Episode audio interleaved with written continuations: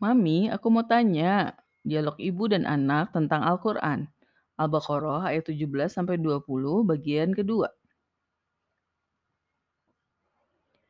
Mengapa kebenaran membuat orang kafir menjadi takut mati, Mami?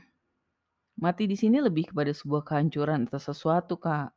Seperti karir dan jabatan ya, Mami. Betul, ini juga terkait dengan penggunaan kata perniagaan di ayat 16 surat Al-Baqarah. Tapi di ayat 19 ini lebih merujuk pada orang kafir kan? Kalau permisalan orang fasiknya yang mana, Mami? Pemisahan orang fasik ada di ayat 20 surat Al-Baqarah. Baca dulu, Kak. Yakadul barqu yakhtafu absarahum kullama adha'a lahum fihi wa idza adlama alaihim qamu walau syaa Allahu ladhahaba bisam'ihim wa absarihim innallaha ala kulli syai'in qadir Hampir kilat menyambar penglihatan mereka. Setiap bersinar bagi mereka, mereka berjalan di dalamnya, dan jika menjadi gelap atas mereka, mereka berhenti. Dan sekiranya menghendaki Allah Subhanahu wa taala sungguh menghilangkan dengan pendengaran mereka dan penglihatan mereka. Sungguhnya Allah Subhanahu wa taala atas segala sesuatu paling berkuasa. Apa bedanya permisalan di ayat 20 ini dengan ayat 19, Kak? Kalau di ayat 19, mereka benar-benar tidak mau mendengar dengan menyumbat telinga dengan jari-jari mereka. Sedangkan di ayat 20 baru kemungkinan Allah Subhanahu wa taala menghilangkan pendengaran dan penglihatan mereka. Betul, Kak. Makanya ayat 20 merujuk pada orang fasik. Jika mereka selalu galau dalam menyikapi peringatan, maka pada akhirnya mereka akan seperti orang kafir ya, Mami. Tuli, bisu, buta. Iya, jadi bedanya orang fasik dengan orang kafir apa, Kak?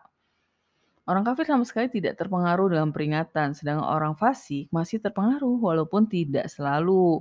Hanya jika peringatan itu terlihat begitu nyata. Good. Seperti yang dipaparkan di ayat 15 surat Al-Baqarah, Allah Subhanahu wa taala membiarkan mereka selalu terombang-ambing. Jadi mereka selalu galau tapi tidak mau juga memutuskan untuk melangkah ya, Mami. Iya, Kak. Mengapa ayat 20 ini ditutup dengan pernyataan Allah Subhanahu wa taala atas segala sesuatu paling berkuasa? Selama ini kita pikir kuasa Allah Subhanahu wa taala atau takdir Allah Subhanahu wa taala lebih merujuk pada soal lahir, mati, jodoh dan rezeki ya, Kak? Iya, Mami. Ternyata lebih pada soal petunjuk ya. Terutama soal petunjuk karena kehidupan kita di dunia dan akhirat tergantung bagaimana kita menyikapi petunjuk. Petunjuk tergantung bagaimana kita memproses informasi yang datang pada kita kan? Betul, pada dasarnya Tuhan pasti memberikan informasi yang berlimpah soal kebenaran dan sama kadarnya pada setiap manusia. Pada orang di suku terpencil juga, Mami. Iya benar, ada ayatnya loh soal itu nanti. Wow. Ayat 20 ini menutup rangkaian pembahasan tentang orang kafir dan fasik. Sudah paham betul belum tentang ciri dua golongan ini? Semakin terbayang sih Mami, apalagi setelah ditambah penjelasan tentang permisalan. Nah, itulah mengapa Allah Subhanahu wa taala memberikan permisalan. Sesuatu yang abstrak dijelaskan dengan fenomena alam malah jadi semakin paham kan? Betul, Mami. Padahal kalau sekilas seakan tidak ada korelasinya sama sekali antara iman dengan cahaya, kegelapan dengan kekafiran dan kesesatan. Makanya jangan langsung menolak paparan dari Allah Subhanahu wa taala walaupun untuk memahaminya jelas kita butuh waktu dan proses. Sama seperti kita mencoba memahami kejadian-kejadian dalam hidup kita ya Mami. Iya, setuju. Sebetulnya dalam kejadian sehari-hari ada banyak pesan Tuhan pada kita. Tapi bukan berarti kita tidak butuh Al-Quran ya Mami. Memahami kehidupan ini sangat sulit jika tidak dibantu oleh Tuhan sendiri. Cara Tuhan memberi petunjuk ya dengan perkataannya yang disampaikan oleh para rasul dan nabinya.